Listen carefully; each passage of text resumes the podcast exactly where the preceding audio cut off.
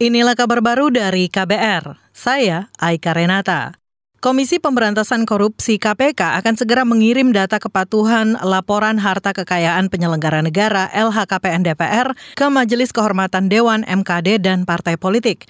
Deputi Pencegahan KPK Pahala Nenggolan mengatakan, DPR hingga DPRD termasuk lembaga non-kementerian dengan tingkat kepatuhan LHKPN paling rendah. KPK mencatat tingkat kepatuhan di DPR hanya mencapai sekitar 70 persenan. Waktu itu kita ngomong dengan pimpinan fraksi, tapi kelihatannya kurang ampuh. Mungkin akhir April ini, gitu ya, surat Pak Ketua ke Ketua Partai. Kita sebutlah yang di DPRD siapa, yang di DPR siapa. Tapi kalau MKD mau minta datanya kita kasih nggak? Pasti kita kasih. Kalau itu hari ini diminta juga kita kasih. Siapa aja tuh yang gitu. Karena ada yang mulai dari 2019.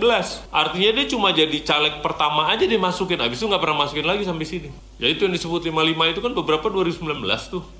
Deputi Pencegahan KPK Pahala Nenggolan menambahkan ketidakpatuhan soal pelaporan LHKPN tidak bisa diberi sanksi pidana. Ia menyebut wewenang sanksi dalam ranah legislatif hanya bisa diberikan oleh partai politik.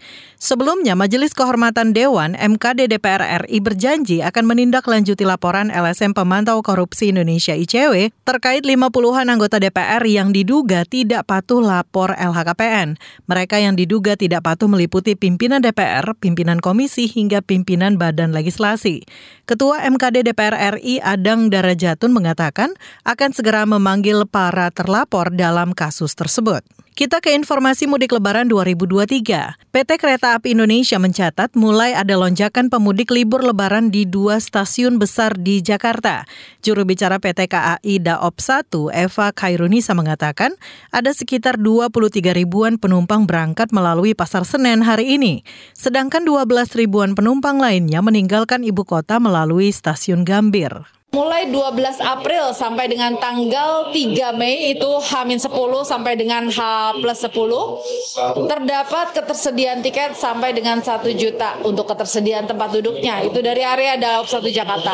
Nah sampai dengan saat ini dari jumlah tersebut sekitar 540 ribu di antaranya itu sudah dipesan atau sudah terjual. Itu mayoritas jadwal keberangkatan di tanggal-tanggal favorit. Juru bicara PT Kereta Api Indonesia Daop 1 DKI Eva Kairunisa mengatakan para calon penumpang berusia 18 tahun ke atas wajib menyertakan bukti vaksin COVID-19 dosis ketiga atau booster.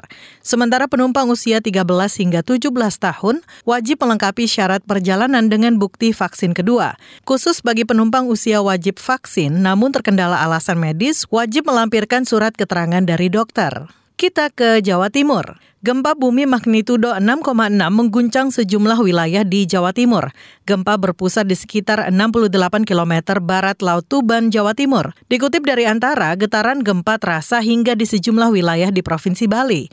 BMKG melalui laman resminya menyatakan gempa terjadi sore tadi sekira pukul 16 lewat 55 waktu Indonesia Barat dengan kedalaman gempa 632 km.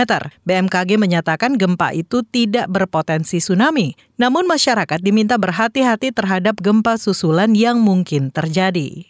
Demikian kabar baru dari KBR. Saya Aika Renata.